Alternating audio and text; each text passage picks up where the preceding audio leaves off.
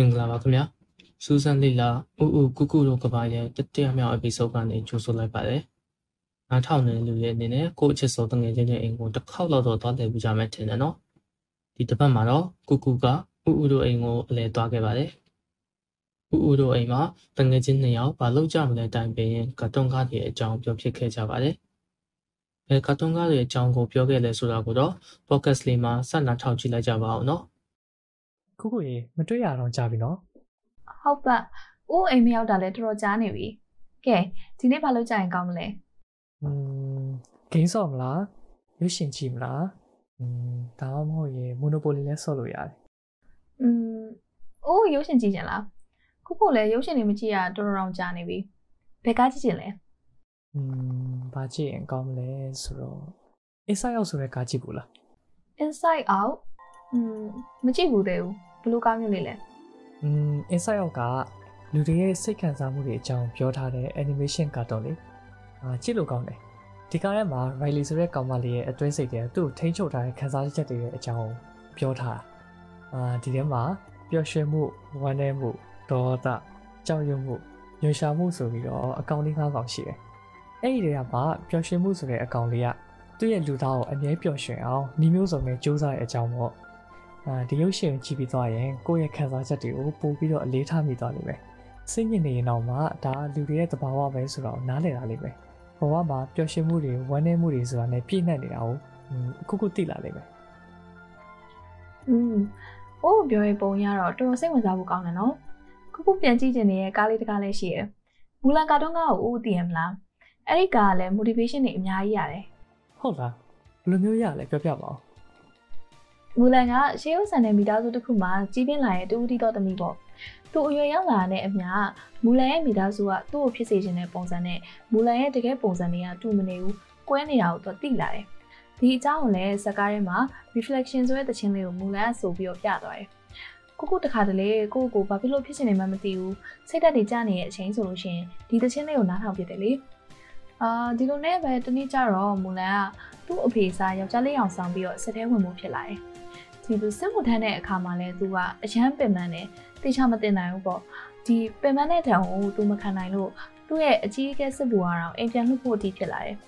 ဒါပေမဲ့သူကသူ့မိသားစုအတွက်ဂုံဆောင်နိုင်အောင်အာမလျှော့ပဲနဲ့ကိုယ့်ကိုယ်ယုံကြည်ပြီးတော့စူးစမ်းခဲ့တာနောက်ဆုံးတိုင်းပြည်တစ်ခုလုံးအတွက်ဂုံဆောင်တဲ့သူရဲကောင်းစစ်တီတော်တူဖြစ်သွားတယ် ဒါကိုကြည့်ရင်လည်းမိန်းကလေးအချင်းချင်းအရန်အားကြမိတယ်ဘလောက်ပဲမကိုက်ညီဘူးမဖြစ်နိုင်ဘူးလို့ပတ်ဝန်းကျင်ကပြောနေပါစေကိုယ့်ကိုယ်ယုံကြည်ပြီးတော့အဆုံးထိစူးစမ်းခဲ့လို့အောင်မြင်သွားတဲ့မိန်းကလေးတယောက်အကြောင်းသင်ခန်းစာယူနေတယ်ဝါကိုကိုပြောမှပဲပြန်ကြည့်ချင်သွား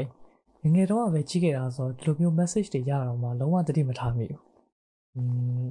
ဥပမာလည်းဒီလိုမျိုးအရန်ကိုအမှတ်တရရှိစေတဲ့ကာတွန်းကားတကားရှိတယ်ဟတ်လာဘယ်ကတော့ကလည်းပြောပြပါအောင်အာကိုကိုတင်မှာပါ F ဆိုတဲ့ကာတွန်းကားလေခေါဆိုတဲ့ဖဖိုးကြီးကတောင်အမေရိကထဲမှာရှိတဲ့ Paradise Fall ဆိုတဲ့တောကြီးတွေကိုတွားဖို့အတွက်သူ့ရဲ့အိမ်ကိုမိုးပြန်ပူပေါင်းနေအများကြီးနဲ့ခြီးပြီးတော့လေးပေါ်ပြန်သွားတယ်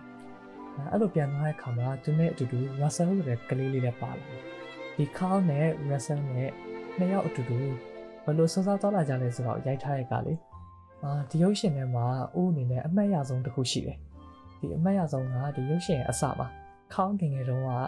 Ellie ဆိုတဲ့ကောင်မလေးကိုတွေ့ခဲ့သူနဲ့ Ellie နဲ့နှစ်ယောက်အတူတူဘဝကိုဘယ်လိုမျိုးဖြတ်တန်းကြလဲဆိုတော့ရိုက်ပြထားတဲ့အပိုင်းပေါ့အဲ့ဒီအပိုင်းကိုဥအရန်သဘောကျအရန်လည်းအမှတ်ရတယ်အခုချိန်ထိကိုဥခေါင်းထဲမှာမြင်နေတော့မယ်အဲ့ကာတွန်းကားအကြောင်းစဉ်းစားလိုက်ဒီကာတွန်းကားကနေပြီးတော့ဘယ်တော့ပဲအသက်ကြီးနေစေကိုယ့်ရဲ့မျှော်လင့်ချက်တွေအိမ်မက်တွေကိုလိုက်ဖို့ဆိုတာလုံးဝနောက်မကျအောင်ဆိုတာကိုဥအနေနဲ့ခံစားမိတယ် อืมဒီဇက်ကားမှာခေါင်းနဲ့အလီနဲ့ဘွားဇက်ကြောင်ကိုပြထားတဲ့ဇက်ဝင်ကတကယ်ကိုမမတ်ရရှိရနော်ဒါဆိုရင်ရွေးစရာ movie တွေကလည်းရသွားပြီသုံးကားလုံးကလည်းတမျိုးစီစိတ်ဝင်စားစရာကောင်းနေရနော်ဖေကားကြည့်ရင်ကောင်းလဲတော့မသိတော့ဘူးဒီနေ့ကုကုအားရမဟုတ်လားသုံးကားလုံးတစ်ခါရေးကြည့်လိုက်မယ်လေဟမ် screen time ရှော့ကြမယ်လို့ကုကုနဲ့ပြောထားရနော်တကားပဲယဉ်ကြည့်ကြအောင်ပါအော်ဒါပဲဦးမေးတော့မေးနေရ အဲ့ဆိုလေဒီနေ့တစ်ခါပဲအရင်ကြည့်ပါမယ်ဒီတစ်ပတ်ရဲ့စူဇန်လီလာဥဥကုကုတို့ကပါမှာတော့ဥဥနဲ့ကုကုတို့ကသူတို့အမှတ်ရနေတဲ့ကာတွန်းကားလေးတွေအကြောင်းပြောသွားကြပါတယ်။နားထောင်နေကြတဲ့လူတွေမှလည်းအရန်ကြရတဲ့အခုထိအမှတ်ရနေတဲ့ငယ်ငယ်ကကြည့်ခဲ့မှုတဲ့ကာတွန်းကားတွေရှိကြမယ်ထင်ပါတယ်နော်။ဦးဦးနဲ့ကုကုတို့ပြောသွားတဲ့ကာတွန်းကားတွေတဲကတစ်ခုဖြစ်တဲ့ app ထဲက Popo Carl ရဲ့ voice actor အသက်62နှစ်အရွယ်ရှိပြီဖြစ်တဲ့ Ed Asner မကြသိမီရက်ပိုင်းကပဲဆုံးသွားခဲ့ပါတယ်။ဒီတစ်ပတ်ရဲ့ episode ကိုသူ့အတွက် tribute အနေနဲ့စီစဉ်ခဲ့တာလည်းဖြစ်ပါတယ်။နောက်အပတ်ကျရင်လည်းနောက်ထပ်အကြောင်းအရာတွေနဲ့ပြန်လာမှာမို့စောင့်မျှော်အားပေးကြပါအောင်နော်။